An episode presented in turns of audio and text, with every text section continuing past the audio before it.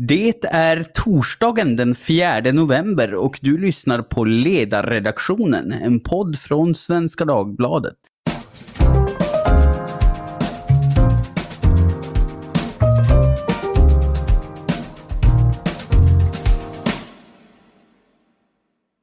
Jag heter Jesper Sandström och idag är det jag som ska fira läslovsvecka med er eh, lyssnare. Mina ärade kollegor har ju läst böcker sådär som traditionen bjuder. Men eh, dels eftersom jag är, eller åtminstone gärna vill se mig som något av en redaktionens motvallskärring. Dels eftersom jag pratade om en bok förra veckan så gör jag ett litet, litet avsteg och pratar istället om en rapport. Men eh, en rapport är ju också, för att låna chefredaktör Livendals favoritord, en läsfrukt. Så ta nu en redig tugga och njut. Vad är det för rapport då? Jo, forskningsinstitutet Ratio har tagit fram en lättsmält men ändå matig pjäs på typ 60 sidor med titeln 12 punkter om distansarbete efter covid-19. Så det är också vad vi ska prata om och eh, med mig för att prata har jag två herrar som har hörts här förut men är väl värda att lyssna på igen. Först ut eh, rapportens författare, nationalekonomen, en av rapportens författare ska jag säga. Eh, nationalekonomen Jonas Grafström tillika vice VD för nyss nämnda forsk forskningsinstitutet Ratio. Hej Jonas! Hej, kul att vara tillbaka! Kul att ha dig här. Och näst ut Linus Jonkman, författare, föreläsare och något slags expert på HR, personal och arbetslivsfrågor i största allmänhet. Är det en rättvis beskrivning Linus? Det låter grandiost så det stämmer säkert jättebra. Hej, kul att ha dig här också. Tack detsamma. Pang på rapportrödbetan säger vi väl. Eh, om vi börjar med lite bakgrund Jonas, eh, vad är det som har hänt här egentligen? Visst, alla har väl antingen hört om eller sett via anhöriga eller själva upplevt det radikalt ökade distansarbetet i och med pandemin. Men vad är det som gör att det här är en så stor grej att ni ville skriva en rapport om det? Ja, det var ju så att eh, himlen trillade ju ner för ungefär ett och ett halvt år sedan. Och eh, nu kanske vi sett ett litet ljus i tunneln och när himlen trillade ner, så corona, så var man ju tvungen att förändra sig. Tidigare, visst det fanns hemarbete, det var ju tekniskt möjligt, det var ju inget problem. Men enligt SCB så var det mellan 5 till 10 procent som hemarbetade skulle man kunna säga. Så från 2007 till eh, ja, precis före corona så gick det från 5 procent till 10 så det är ganska så här, det är en stor ökning i sig men efter det, precis en månad senare, ja då var vi uppe i 35 procent som satt hemma och arbetade. Så det är en väldigt stor förändring på arbetsmarknaden och eftersom ja, Ratio forskar mycket om arbetsmarknaden och företagens villkor så är det väl ja, nästan självklart att vi borde göra det här. Och eh, speciellt när vi själva funderar på att gå hem från kontoret för det finns så många misstag man kan göra som chef och ledare. För eh, jag ska bara ett exempel innan jag lämnar tillbaka ordet. Att, eh, inom nationalekonom har vi något som kallas riskavers som påverkar vårt beteende. Och tänk dig så här att Tove skulle ha gett dig 100 kronor löneförhöjning, alltså Tove alltså på ledarsidan. Och det skulle du bara rycka åt axlarna på. Men om Tove skulle ringa upp och säga att hej Jesper, jag sänkte din lön med 100 kronor. Då skulle du gå bananas, tror jag. Ja, ja, lite i alla fall. Jag är så lugn men... Det borde inte vara någon skillnad på känsleyttringar på 100 kronor plus eller 100 minus men 100 minus skulle göra de flesta skitförbannade och det ska man ha med sig som chef och ledare när man nu gör förändring för nu har många fått fara hem. Det är en förbättring för ganska många. Tycker att det är ganska trevligt och ganska stor. Men om man då säger att alla ska tillbaka till kontoret så skulle jag säga utifrån den här rapporten att det inte är en fantastisk idé. Det finns en hel del att tänka på. Då har vi en bild av, av vad som har hänt och varför det här var så stort att det behövdes en rapport om det. Men, men om vi då ska börja bena lite i konsekvenserna av det. Eh, Linus, du som dagligdags jobbar med att få folk och företag att jobba så bra och engagerat som möjligt. Har du något att säga om hur, hur företagens produktivitet har påverkats i spåren av de här förändringarna? Kan, har man observerat någon sån skillnad? Man säger att det är inte samma sak som när man börjar prata om sådana saker som bonusar. Det vill säga att man kan både säga så här att i vissa fall är det skitbra och i andra fall så är det kycklingsushi. Det vill säga inte så bra. Eh, och att det finns andra, andra saker som avgör ifall det är bra eller inte. Och det som man kunde se ganska tydligt tycker jag är så att, att de bolagen som var duktiga väldigt tidigt med att sätta riktiga värderingar, alltså inte roll-ups i receptionen där det står integritet, utan faktiskt jobbat med värderingarna istället. Eh, när, när, man har det på det viset att man, man på något sätt fattar vad spelplanen är rent etiskt, moraliskt och kulturellt, då kan man skicka hem folk och då kommer folk fortsättningsvis fortfarande kunna leverera med ett stort engagemang. För att de har fattat liksom syftet med vad man gör. Men ifall din kultur var rutten från början och du dessutom skickar hem folk, det vill säga att du inte har någon insyn i vad de gör, då, då, behövs det inget geni egentligen för att förstå att det är klart att den situationen kommer förräntas och bli någonting negativt över tid. Och framförallt mm. att sen när den tar slut och du börjar komma till en punkt där du måste fundera på okej, okay, vad händer om man kommer tillbaka? Företag A säger att jag måste jobba som jag gjorde innan och företag B kan helt plötsligt erbjuda mig total valfrihet. Då förstår man varför det har blivit en sån enorm rörlighet som det är just nu. Så, så, om, om man ska sammanfatta, liksom, om det är klart och tydligt för eh, de som arbetar vad de ska ägna sig åt när, när de är hemma, då funkar det rätt bra. Om, om det inte är klart och tydligt, då blir det lätt kyckling-sushi. Jag skulle säga så här, om man inte har fått klart för sig vad man har liksom för ett, för att använda ett fluffigt ord, syfteskapital. Alltså lite som man, man kan prata om att om man har ett bra syfteskapital, då är det lätt för mig att förklara för mig själv varför det är relevant att jag gör det jag gör. Och det är lätt för mig att förklara för andra varför det är relevant att jag gör det jag gör.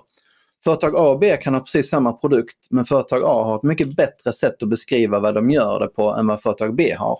Företag B kanske tycker att jag, jag ska lyfta lådan, lådor från en punkt A till en punkt B medan det andra bolaget säger att ja, men vad vi gör är att vi, vi bidrar till att utmana folk äter på ett sätt som är mer hälsosamt, mer hållbart. Då har ju den ena bolaget redan ett syfte till mig som kommer att vara sant vare sig jag jobbar på ett kontor eller hemma. Och, och det skulle jag säga att historierna av den anledningen har nog, som jag ser det, aldrig haft så stor betydelse för oss människor som den har just nu när det är både liksom högkonjunktur och vi har en annan typ av bekvämlighet än vad vi någonsin haft innan, vilket vi kan tillåta oss själva att gå på en motivation som handlar mycket mindre om liksom, att byta timmar av vårt liv och mer handlar om liksom, etik och värderingar och syfte. Och här har du någonting att tillägga, ser jag, rapportförfattare Grafström. Jo, ja, men det var väldigt intressant att studera produktivitet, för det är ju, ibland är det lite svårt att säga rent sagt om det är produktivitet eller att, de bara, att folk bara tycker att eh, de är produktiva. När man har frågat folk i sådana undersökningar, då säger allt, ganska många säger att de har blivit produktivare, men det kan ju också vara lite grann att eh, mer än hälften säger att de är bättre än genomsnittet på att köra bil. Men eh, i studier där man kanske har fångat ändå hyggligt så har man sett ja, till exempel vetenskapliga produktioner som eh, jag som forskare håller på med. Det har gått upp ganska mycket, nästan 35 procent eh, på de amerikanska universiteten under perioden. Lite mindre för kvinnor, mer för män. Och Det här tror jag är rätt rimligt för jag som forskare jag har ju skärt bort jättemycket möten och onödiga konferenser. Jag har hur mycket tid som helst på mig att sitta och forska. Så jag har ju tjänat väldigt mycket tid men det är svårt ibland att avläsa forskningen för att eh, ja, om man tar till exempel Italien så har de inte varit lika positiva och produktiva tycker de. För att, men det kan jag också tänka mig att eh, ja, där bor man ju hemma tills man är 35 och eh, ja, om man bor i ett hem med väldigt mycket människor så är det svårt att koncentrera sig och fokusera. Medan man bor själv i en etta så är det väl kanske lite lättare att få mycket gjort eftersom man ändå inte kan göra så mycket annat. Men också en effekt vi har sett är att eh, man lägger lite mer tid på jobbet. Så det kan också förklara varför man får mer gjort. Så I vissa länder så har det varit uppemot eh, 48 minuter mer arbetstid. Och så har man kapat en hel del möten ser man också. Det var en studie där man gick igenom tre miljoner människors mejlkorgar. Jag vet inte exakt hur de fick lov att göra det, så om det heter sig eller inte. Men, men då har de sett det i alla de här multinationella företagen att ja, men, arbetstid upp, mötestid ner. Så det verkar som att det kan vara positivt, speciellt för mig som avskyr möten. Men är det, har man observerat något annat som skulle kunna vara negativt? Alltså annat än det här, som du säger, det är klart det kan vara så att folk har varit tvungna att vara hemma i miljöer som inte har varit optimala för att jobba i kanske. Men, men finns det något annat att säga som eventuellt, där det eventuellt har varit en negativ påverkan? Ja, man kan ju se det så här att eh, ja, många känner sig inte riktigt sedda, så ingen har någon aning om vad man gör. Men också det verkar vara mer negativt för unga människor faktiskt. De är mindre glada åt att jobba hemma. Och eh, det kan jag tänka mig för att eh, ja, speciellt de så här nya på arbetsmarknaden. Tänk dig att eh, du blev anställd där i början av pandemin men aldrig fick komma in och träffa någon på kontoret. Alltså ett och ett halvt år senare så är det inte lätt tycker jag att bygga, jag är ju norrlänning så jag bygger väl inte så mycket kontakter hur som helst, men men så att, att lära känna folk man inte har träffat live är inte alltid jättelätt. Så då är det svårt att veta vem man ska ringa eller bara ta upp telefonen och ringa någon är inte jättelätt heller. Vi ska komma in lite på det nu för att eh, nu har vi pratat om produktivitet och låt vara att jag är en kallhamrad nyliberal men till och med jag begriper ju att allt här i livet inte handlar om produktivitet. Om vi ska försöka oss på att titta bortom produktiviteten, hur har eh, medarbetares hälsa och välbefinnande påverkats? Linus, vad, vad säger du? Finns det något att säga om påverkan på hur vi mår till följd av mer distansarbete? Alltså jag ser att det finns en grupp med människor som redan från början alltid har en ekvation som inte går ihop och det är vi som har småbarn och föräldrar. För att den, den är liksom failad från början men under den här perioden så är det den gruppen som har haft mest möjlighet att få livet att nästan fungera. Och, och där skulle jag säga att där, där vad man kan se, och vad jag, jag vet inte om ni får säga emot mig om ni har sett annan statistik, så verkar det som att för den gruppen så har det här med den här totala flexibiliteten blivit väldigt snabbt en så stor och betydande del av vad som är bra med detta, om man får lov att kalla någonting under en pandemi för bra. Så att där kan jag ju se att eh, det kommer att bli ett enormt problem och det, så, det såg jag ju att det speglades i rapporten också. Att det är den gruppen som sannolikt är, är, är mest beroende av ifall din arbetsgivare, vilken typ av hybridarbetsplats eh, man kommer att erbjuda där det blir en, en, helt annan typ av konkurrensfördel när det gäller att få till sig en viss typ av arbetskraft. Just hur man uttrycker vad, vad, vad som ska gälla efter. Så att, eh, ja, där, därifrån kan man ju se att det blir en helt annan möjlighet att få plats med livet i livet. Så, så stressmässigt skulle jag säga att det verkar på alla sätt och vis som att det har varit bra för de flesta av oss. Vad säger du Jonas? Vad kommer ni fram till i rapporten gällande hur det ökade distansarbetet har påverkat medarbetarnas hälsa och välbefinnande? Först bara följa upp eh, Linus på en personlig note, så jag har en sju veckors dotter. Och eh, det betyder att man får gå upp kanske vid två på natten och sen fyra på natten och eh, hjälpa till. Det är inte jättelätt att ta sig till kontoret dagen därefter så det kan vara ganska skönt att få sova ut lite grann och sen kanske börja vid nio och utan den här processen att ta sig hela vägen in till Stockholms innerstad med allt vad det innebär. Att sen börja, utan det är, ja, du kapar ju restiden som för mig är åtminstone någon timme per dag till noll. Så det är fantastiskt och det man har sett också så statistiskt så verkar det som att svenskarna har fått sova mer under pandemin. Så de som arbetar hemifrån i alla fall. Så då fyller man på med sömn och det är mycket för att ja, du kan ju göra en sån här podcast i pyjamas om du så vill. Så här, och eh, lite mer, man får mer fritid, mer sömn så det är väl klart att man inte vill gå tillbaka till någonting. Men det, det finns en balans också. Om man tar lite tillbaka till produktiviteten så verkar det som att det är inte det mest produktiva man kan göra att vara helt på kontoret eller helt hemma, utan det finns någon, en gyllene medel där någonstans.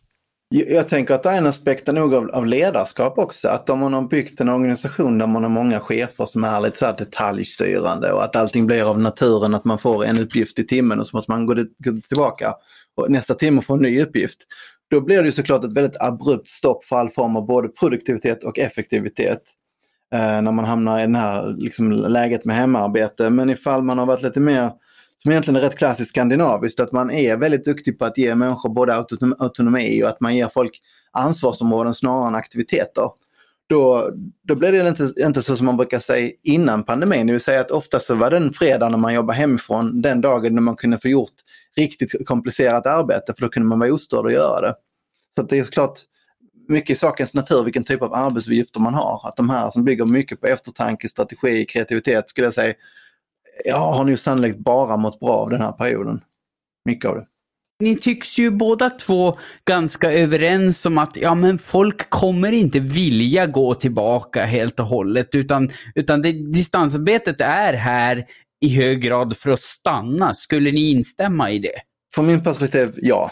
Eh, och då, då, tänker jag bara empiri. Att jag har hört så många människor nu som har varit sådana här högproducerande personer innan. Som upplevde att det var någon slags hamsterhjul som stannade. Ett hamsterhjul som lite då och då en gång om året när det varit sommar ändå stannat till lite grann och så har de ändå kommit igång igen. Men att nu när det stått stilla så länge så har de fått en anledning ofta att tänka om lite det de har gjort. Och vad, vad jag har sett så man, man kallar det i Nordamerika för den tredje rörelsen tror de säger nu att det har, det har blivit en sån extrem rörlighet på hela arbetsmarknaden. På grund av alla de här som nu tänker efter utifrån hur det ser ut utanför hamsterhjulet, hur man gör för att få mer kvalitetstid med sina barn, sin familj, sina hobbys Och att man nu börjar välja jobb som handlar mindre att göra med det monetära och mer att göra med flexibiliteten. Vad säger du Jonas, känner du igen dig i den bilden?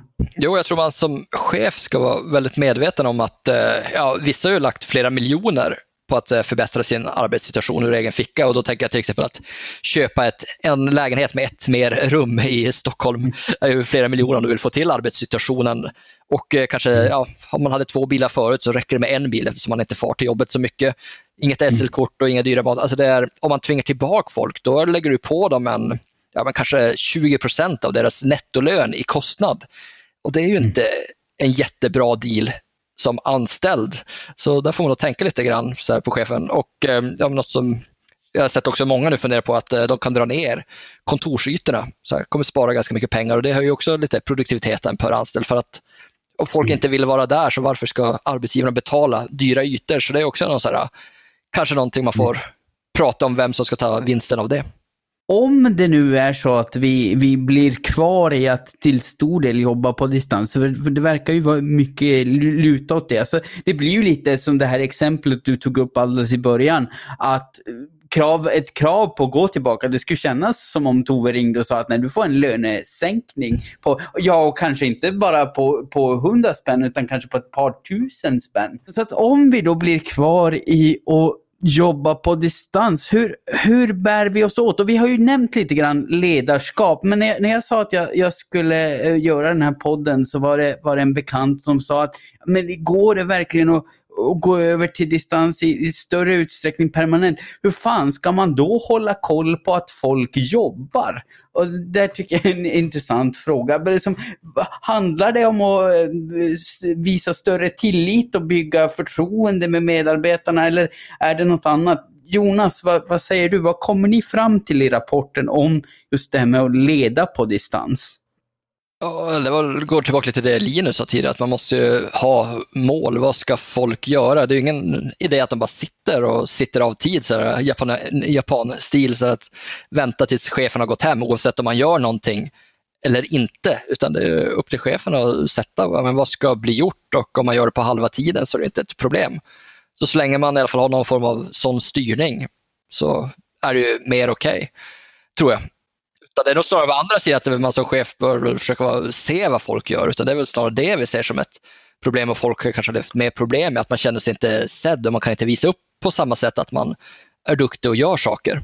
Finns det någon lösning för det? Går det att kompensera för det här bortfallet på distans och göra så att medarbetarna känner sig mer sedda i det de gör? Jag tänker alltid på det här behovet av att bli sedd, om det är så jäkla stort. Jag vet inte om det är jag som är introvert eller bara cynisk och gammal.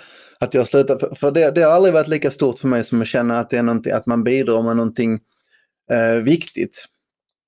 Uh, så att, nej, jag kan inte säga att jag är, en, jag är en anhängare av just det där, att det skulle vara så viktigt. Därmed tänker jag att att ofta, lite som vi var inne på här innan, som vi sa också att eftersom hjärnan tycker att all information den inte vet, vi har en tendens att för det första tro att den är mer negativ än vad den är. Och vi har en tendens också som man säger att värdera negativ information fem gånger högre än positiv. Så det gör ju att alla gråzoner i hur vi förväntas vara, vad vi förväntas leverera, vad som gäller. Allt sånt blir alltid ett problem för oss.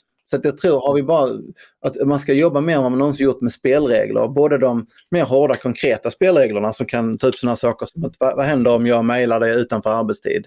Förväntar jag mig då som chef att du faktiskt ska läsa det? Eller finns det en uttalad eh, tydlighet mellan oss två att, vet du vad, även om jag mejlar dig klockan 10 på kvällen för att mitt liv ser ut så just nu, så förväntar jag mig aldrig att du gör någonting före klockan nio dagen efter till exempel jag, jag, tror att, att de sakerna som är hårda, på samma sätt som även de mjuka grejerna som handlar om liksom att förstå vilken typ av beslut jag vågar ta som, som person och vad, vad, jag, vad jag kan förvänta mig om jag misslyckas med en idé som jag själv kom fram till. till exempel, om, om det är uttalat i organisationen att man alltid blir uppskattad för att man har idéer, vad som man lyckas eller inte. Eller om det alltid är att man tänker att så fort någon kommer på en idé så ska det vara ett ett till ett förhållande mellan att jag har en idé och att ni förväntar er ett resultat. Alla de här sakerna är delar av det som gör att oavsett hur många mil som skiljer mellan mig och min chef så, så får jag en, en tydlighet och därigenom också ett engagemang i det jag gör, för det jag gör. Men, men, Jonas, i rapporten så hänvisar ni ju bland annat exempelvis till forskning som säger att det är svårare för folk som jobbar på distans att bli befordrade. Och det, det, det tyder ju kanske ändå på något sätt på att det Alltså att, att deras arbetsinsats inte uppmärksammas i lika hög grad. Ja, i alla fall historiskt. Och sen kanske det beror, alltså det kan ju också finnas något bakomliggande till varför man då jobbade hemma mer. Eller, men eh, det jag mm. tror i alla fall, om, om jag ska försöka tolka forskningen, att eh, det är lättare att här, visa vad man gör och eh, ja, men, så här, kanske få också lite roligare arbetsuppgifter om du är den som är nära där saker händer. Alltså om du är, så mm. pratar med chefen vid kaffeautomaten och du har koll på vad som är på gång och säger att jag kan göra det där. Alltså verkligen vara lite strategiskt med det du gör och visa framför dig så har du en liten fördel. Mm. Ja, som du säger, det kan ju vara svårt att jämföra med gamla tider, för då kan man ju haft särskilda skäl till att ha jobbat hemifrån. Man kan ha avvikit från de som inte gjorde det på något sätt. Men nu i ett läge där allt fler i någon mån jobbar hemifrån så blir det kanske en större jämlikhet mellan de som gör det och de som inte gör det. Mm. Men Linus, om man ska säga något ytterligare om vad som krävs för att få distansarbetet att funka så bra som möjligt. Är det så enkelt som att ge medarbetarna tydliga mål och ett tydligt syfteskapital som du sa? Eller finns det något annat som man särskilt behöver tänka på? Alltså man får ju också se till att man, oavsett hur bra man gör den delen, så får man inte se till att tillsätta skitstövlar som chef. Liksom, utan du måste ju också tänka på grunderna för varför folk är chefer. För att det, det, någonstans så handlar någonstans om att man har ett förtroende mellan medarbetare och chef. För har man förtroendet så handlar inte, då, då suddar man ut ganska mycket av det där hårda konkreta runt omkring det ändå. Alltså förtroendet är alltid mycket större än allting annat. Så att någonstans handlar det om att säkerställa att man har bra chefer så som det varit egentligen i ganska många år. Ja, och i chefskapet det, där kommer liksom en hel cocktail med många olika saker. Det att man vill att folk ska känna en viss typ av trygghet, att man ska ha en, en, samma, en gemensam kultur som gör det som är bra för organisationen, som skapar den typen av, av output som man vill ha. Och i det då mm. att man har definierat några saker så att när man pratar om flexibla arbetstider, flexibla arbetsplatser, eh, också att man, man faktiskt berättar vad det är och inte bara stannar där. För att det är det som ofta är problemet har jag märkt. Att man, man kan ha sagt på ett bolag där man vill vara modern, som har sagt till alla chefer att här ska vi ha förtroendetid. Men för en chef så betyder det att, ja, tolkas det liksom filosofiskt i huvudet hos den chefen som att ja, förtroendetid innebär väl att en, en, en medarbetare jag har kan, kan sakta lite med tiden och kanske jobba hemifrån någon torsdag, någon fredag utan att vi gör någonting. Och för någon annan så betyder förtroendetid att jaha, nu suddar vi bort gränserna helt och hållet. Nu får du jobba precis var du vill, när du vill, bara du levererar det resultatet jag vill ha. Så att, så att mm. ofta, ofta misslyckas man för att man inte riktigt lyckas fånga in de här policyerna och, och man misslyckas också med att vara tydliga mot varandra vad man är. Det, det, mm. det finns lite fokus där man ibland brukar prata om care and candor, alltså som en framgångsfaktor. Att man, I starka organisationer så har man både care, det vill säga man bryr sig om varandra. Det är vi bra på i Skandinavien. Och så finns det candor som handlar om att man är uppriktig och ärlig. Eh, där var det en, en polsk chef som jag jobbade som, jag, som hade i min organisation som sa det så jävla bra. Hon sa så här, varje gång jag har pratat med en svensk chef så måste jag sitta en stund på en stol och fundera på om jag fick beröm eller en tillsägelse. Så att, så att just candor-delen är det som vi också behöver om vi ska kunna jobba på distans. Att vi måste också kunna säga att det här är inte vad jag förväntade mig eller jag förväntar mig mer av dig eller du vet så här. Ja, apropå att inte sätta skitstövlar som chefer, så Jonas, en av punkterna i rapporten är ju att ni anser att företag ska utvärdera om rätt chefer finns på plats för att leda arbetet på distans. Och vad innebär det då? Vad är det att vara rätt chef för att leda arbetet på distans? Eh, jag tror Linus har nog bättre svar på det här än mig, men eh, det är någonstans i alla fall att vi noterade att Eh, de eh, som är bra chefer på kontoret kanske inte är det på distans. Det är en ganska stor omställning. Så det var mer bara en flagga för det utan att jag själv är specialisten på vilken typ av chef som är bäst på vilken. Men det, det verkar i alla fall finnas, det tyder på att det inte är samma sak att leda människorna in, alltså framför dem och eh, sen att ja, när de försvinner ut på internet. Vad säger du där Linus? Är det så att det kan krävas i grunden andra färdigheter för att leda på distans än för att leda på kontor? Jag, jag, jag missar aldrig en chans att uh, eh, hylla introverta lite grann. Då. Så jag tänker på Harvard gjorde en studie om det där med ledarskap, introvert och extrovert ledarskap. Och då sa de att det är bra med introverta chefer, sa de, det är att eh, de, de behöver inte lika mycket mötestid och taltid på mötena och de är bra på att acceptera olika eh, anledningar i samma grupp och att det lämpade sig väl för medarbetare som var självgående och erfarna och hade kreativa arbetsuppgifter. Och det tänker jag att det är väl ofta scenariot nu för tiden när man är på distans, det vill säga att man är självgående därför att man de facto behöver vara självgående. Och då tror jag det kan vara ett bra sammanhang att ha den typen av, eh, av chefsbeteende. Finns det något annat rent praktiskt eh, utöver eh, anpassat ledarskap som företagen eller för den delen politikerna behöver tänka på om vårt arbetsliv kommer att vara mycket mer distansarbetesbaserat än det var förr? Om vi ska ta ett konkret exempel. Eh, Jonas, i rapporten så tar ni ju bland annat upp det här med arbetsmiljöansvar. Lagen i Sverige säger att arbetsgivaren har ett rätt omfattande sådant. Eh, de ska se till att den eh, anställde har en bra arbetsmiljö och så vidare. Är det här något som företag kan förhålla sig till och hantera i en förändrad miljö eller skulle vi behöva ändra lagstiftningen med hänsyn till att gränsen mellan vad som är hemmiljö och folks eget ansvar och arbetsmiljö och arbetsgivarens ansvar, att den gränsen är suddigare än, än förut. Eller vad, vad, säger du om det? Eh, ja, alltså med tanke på att eh, arbetsmarknaden ser helt annorlunda ut än vad det gjorde för ett och ett halvt år sedan så kan det nog vara motiverat att göra det. Alltså tänk om, eh, ja men, eh, om, man, om, man, om man nu tänker att man har ett arbetsgivaransvar och du Jesper har farit och satt dig på Grand Canaria eller Mallorca, eller, du vet, det är ett vulkanutbrott aktivt nu och du tänker att ja, men jag tar en 15 minuters rullstolspromenad upp för att kolla på den här vulkanen och så blir du träffad av lava på arbetstid. Eh, vad har jag som arbetsgivare för... ja, men, det är ett jättebisarrt exempel men det är inte heller irrelevant. Alltså om du är ute och reser någonstans så att juridiskt så ja, men jag tänker så att det är väl kiropraktikerna som har varit de stora vinnarna på corona. Alltså jag ser många bara som sitter i köksstolar vid sina köksbord och har svårt att ha en bra arbetsmiljö. Både så här, ja, eller för den saken skulle man tvinga hem folk till kanske miljöer som inte är så roliga, alltså där de blir kanske misshandlade i hemmet eller något. Vad ska man då som arbetsgivare göra? Alltså det finns många svåra saker att lösa ut men som ändå är väldigt viktiga. Vad säger du om det Linus? Tror du att det finns något särskilt utöver ledarskap och personalhantering som är viktigt att ha i åtanke för att en värld där vi jobbar allt mer på distans ska funka så bra som möjligt? Ja, alltså såklart arbetsmiljön blir ju klart annorlunda. Under den här intervjun till exempel så har jag koordinerat en sjuåring med pennor som försöker rita på min vägg. Eh, på ett ganska, eh, ja, ganska diskret sätt, jag tror inte ni har märkt det ens. Eh, och det är inte arbetsgivarens fel egentligen då, men eh, jag, jag, tänker att just den personen som skickar hem personen att jobba hemifrån har ju någonstans ett större ansvar såklart. Men det, det, det finns ju en rimlighet var det, var det börjar och slutar.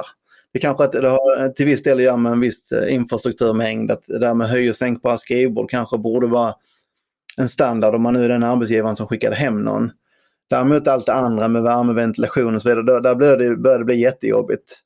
Eh, och det är en knivskarp fråga för överallt tycker jag att det här är det som avhandlas och det finns liksom inget riktigt varken prejudicerande eller någon bra praxis för vad man ska göra. Utan jag tror att det, vad det egentligen nästan alltid handlar om det är att man går tillbaka till, återigen då, någonstans vad värderingarna säger och vad man har för slags personalpolitisk åsikt om vad en medarbetare är. Det vill säga Klassiska bolag har ofta en idé om att en, en, medarbetare är en resurs som finns 40 timmar i veckan. Moderna bolag har oftast en idé om att en medarbetare är en trebarnspappa som är fotbollstränare, husse eller vad det nu kan vara. Vet, och, och tar oftast ett mycket större ansvar än vad de kanske egentligen behöver. Så att jag tycker hela tiden att den här gränsen har att göra med vad man har för ambitioner som arbetsgivare och organisation. Hur långt går vi för att se till att människor kan göra ett bra jobb hemifrån? Vad är det vi betalar för? Vad får de själva stå för fiolerna för och så vidare. Så det finns inget riktigt svartvitt svar. Nej, nej.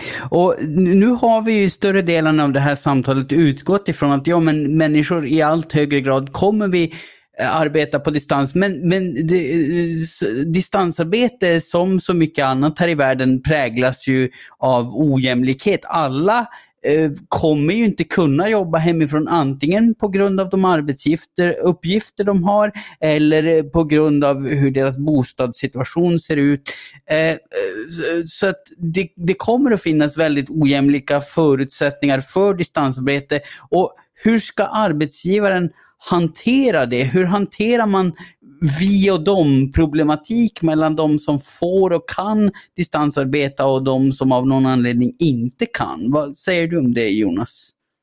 Jag tycker det är jätteintressant. Jag har sett det också som ibland på kontoret när man har försökt att så här fika med både folk på skärmar och några som sitter inne på kontoret. Det har inte funkat så bra, för för oss på Ratio. Det, det blir lätt att ja, de som är uppe på skärmen då blir lite utanför medan man sitter och pratar med de som är bredvid varandra. Men jag tänker på att eh, på företag generellt så kommer det bli ett problem, speciellt om man inte har, alltså om alla inte kan jobba hemma.